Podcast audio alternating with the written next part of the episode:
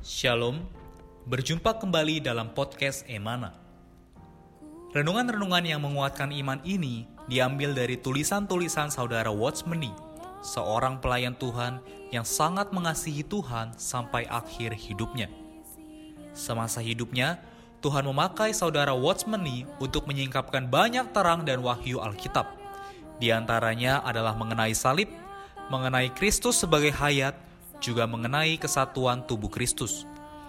Kami berharap kehadiran podcast Renungan Emana, khususnya di masa pandemi virus hari ini, dapat menghibur dan menguatkan iman Anda. Anda dapat menghubungi kami pada nomor hotline Emana di 0851 5677 2397. Sekali lagi Anda dapat menghubungi kami pada nomor hotline Emana di 0851 5677 2397. Buku-buku saudara Watchmeni secara lengkap dapat Anda peroleh di toko buku Yasmerin, Tokopedia, Google Playbook, atau di website resmi yasmerin.com. Selamat menikmati seri renungan hari ini. Halo, saudara-saudari, rekan-rekan pendengar podcast Emana, salam damai sejahtera.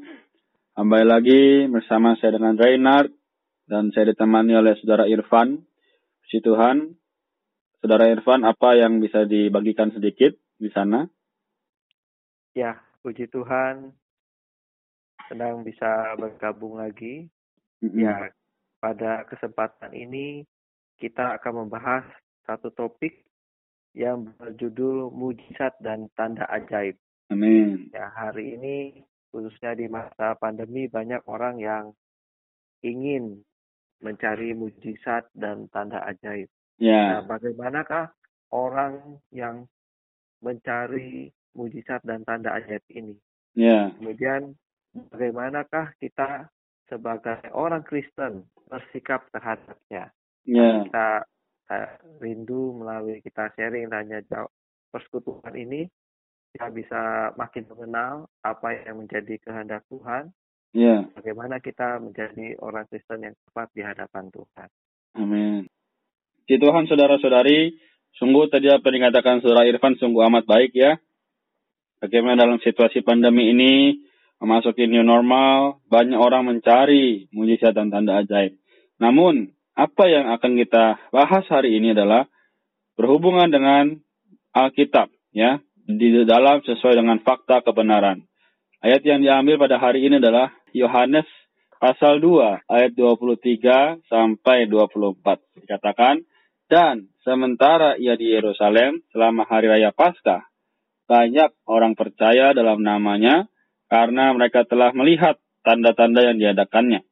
Tetapi Yesus sendiri tidak mempercayakan dirinya kepada mereka karena ia mengenal mereka semua. Nah, Saudara Irfan, apa yang dimaksud dari ayat ini? Yohanes 2 ayat 23 sampai 24 dengan mujizat dan tanda ajaib.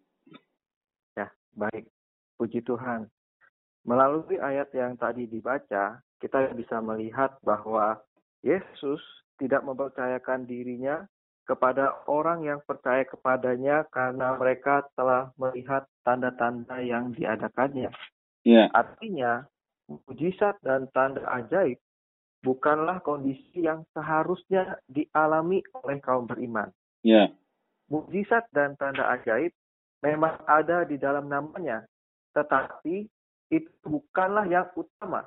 Yeah. Ya, semoga melalui persekutuan kita ini kita bisa menjadi kaum beriman yang hanya mengharap yang bukan hanya mengharapkan mujizat dan tanda ajaib. Yeah. Ya. Saya berharap semoga di masa pandemi ini kita sebagai kaum beriman yang tidak mengalami mujizat dan tanda ajaib juga bisa dikuatkan dan yeah. tidak meragukan Tuhan Yesus. Amin. Tuhan.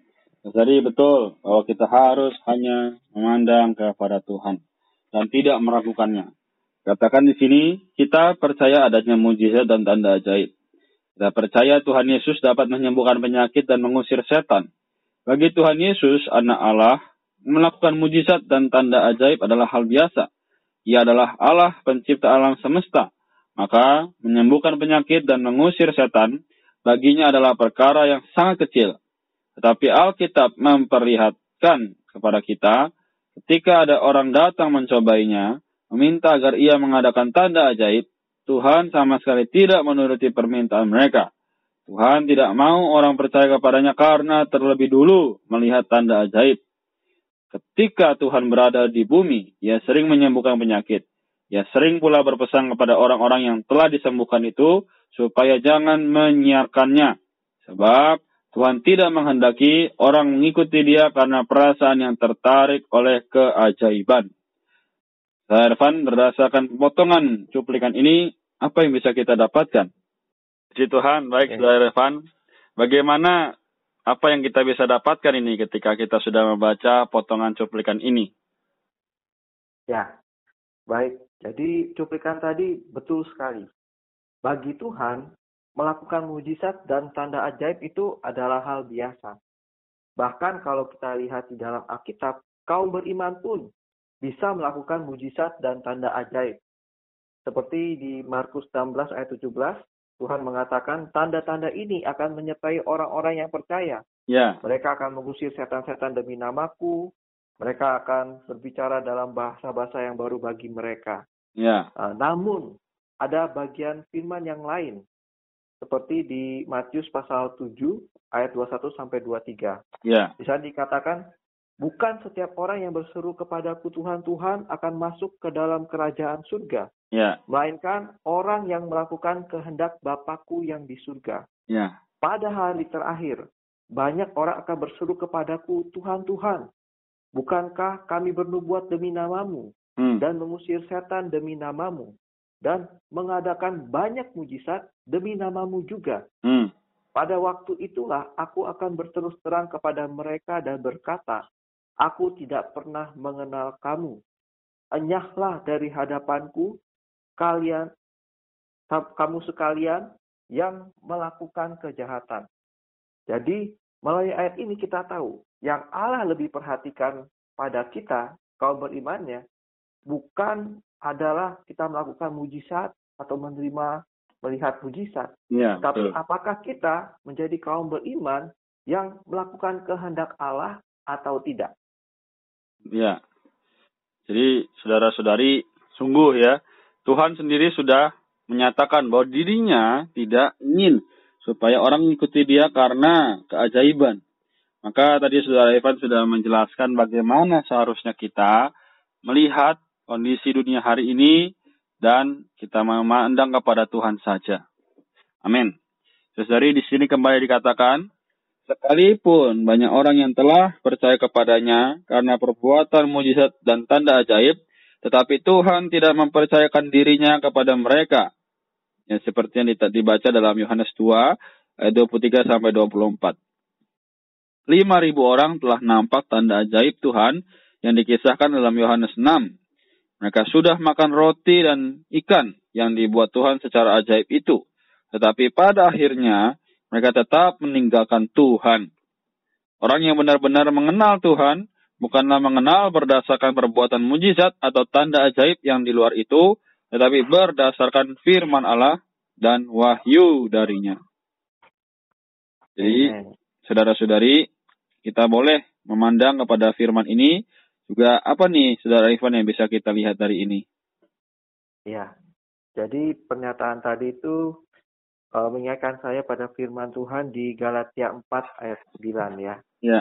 Uh, ayat ini mengatakan, tetapi sekarang sesudah kamu mengenal Allah, atau lebih baik sesudah kamu dikenal Allah, bagaimana kamu berbalik lagi kepada ya. roh-roh dunia yang lemah dan miskin, dan mau mulai memperhamba diri lagi kepadanya.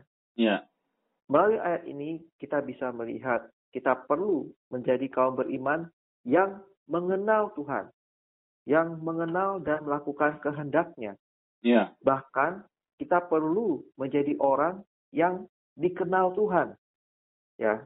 1 yeah. Korintus 8 ayat 3 mengatakan, tetapi orang yang mengasihi Allah, ia dikenal oleh Allah. Betul. Jadi, semoga kita mengasihi Allah kita. Bukan hanya mengasihi mujizat dan tanda ajaibnya. Bukan mencari melihat perbuatannya. Yeah. Kita mau hanya mendapatkan diri Tuhan itu sendiri. Yeah. Ada satu kidung yang sangat baik ya. ini dikarang oleh A.B. Simpson, Ya. Bapak-bapak gereja. Uh, dalam kidungnya ia berkata, dulu mau berkat, kini mau Tuhan. Iya. Dulu mau sembuh, kini dia semata. Iya. Dulu mau kurnia, kini pemberinya. Iya. Dulu mau kuasa, kini sang kuasa. Betul. Kemudian kurnia dikatakan kekal junjung Yesus. Puji tak henti. Semua dalam Kristus. Dia segalaku. Amin. Ya, melalui sharing ini saya berharap kita semua yang mendengarkan broadcast ini bisa punya pengalaman seperti Abby Simpson. Kita, kiranya kita hanya mau diri Tuhan saja. Ya. Kiranya kita bisa bersama-sama menjadi orang yang mengenal Dia, mengasihi Dia, dikenal oleh Dia. Ya. Si Tuhan. Sungguh tadi ada kidung yang sangat baik saudara-saudari ya. Bagaimana dulu mau berkat, kini mau Tuhan. Nah hari ini, apa yang kita cari? Saudara-saudari, rekan-rekan pendengar podcast Emana, di mana pun kita, apa pun yang kita lihat, apa pun yang sedang kita jalani, sebaiknya marilah kita sama-sama terus mengejar diri Tuhan sendiri, namun bukan hanya mujizatnya. Jadi saudari, biarlah firman pada hari ini kembali terus meneguhkan kita, menguatkan kita dalam perjalanan kehidupan kita sebagai orang Kristen. Puji Tuhan, terima kasih sudah Irfan atas sharingnya. Mungkin boleh menutup firman ini dalam doa. Ya, baik. Mari kita berdoa. Amin. Tuhan Yesus, terima kasih Tuhan. Melalui sharing firman-Mu pada hari ini, kami bisa melihat Kau tidak mempercayakan dirimu kepada orang yang hanya mencari tanda-tanda mujizat yang dilakukan olehmu. Engkau ingin kami hanya mencari di kau, hanya mengenal di kau, melakukan kehendakmu. Berkatilah semua yang mendengarkan persekutuan ini Tuhan. Kami mau bersama-sama punya pengalaman seperti Abby Simpson. Kami sadar bahwa Engkaulah segala sesuatu kami. Ajar kami hari demi hari kami terus mengenalmu. Bahwa kami juga Tuhan menjadi orang yang terus-menerus hanya mengasihi di kau. Ya. Kami mau kelak ketika engkau datang kembali, kami bisa menerima perkataanmu bahwa kami orang-orang yang dikenal olehmu. Kau mau mempercayakan dirimu kepada setiap diri kami. Berkatilah kami Tuhan, khususnya di masa pandemi ini, Tuhan tambahkan dirimu lebih banyak lagi ke atas kami. Ya. Jadikanlah kami makin hari melalui situasi ini, kami bisa makin mengenalmu, semakin percaya kepada dikau. Tidak hanya mencari perbuatan tanda-tanda ajaib, mujizat yang ada di luar kami. Kami mengasihimu Tuhan. Dan namamu kami berdoa. Amin. Amin. Si Tuhan, terima kasih Saudara Irfan atas firman dan doanya. Biarlah saudara-saudari di mana pun kita berada, mari sama-sama kita melihat kepada diri Tuhan sendiri. Amin. Tuhan Yesus memberkati. Sekian podcast Renungan Emana hari ini. Kami akan kembali pada seri berikutnya. Anugerah dari Tuhan Yesus Kristus dan kasih Allah dan persekutuan Roh Kudus menyertai kita semua.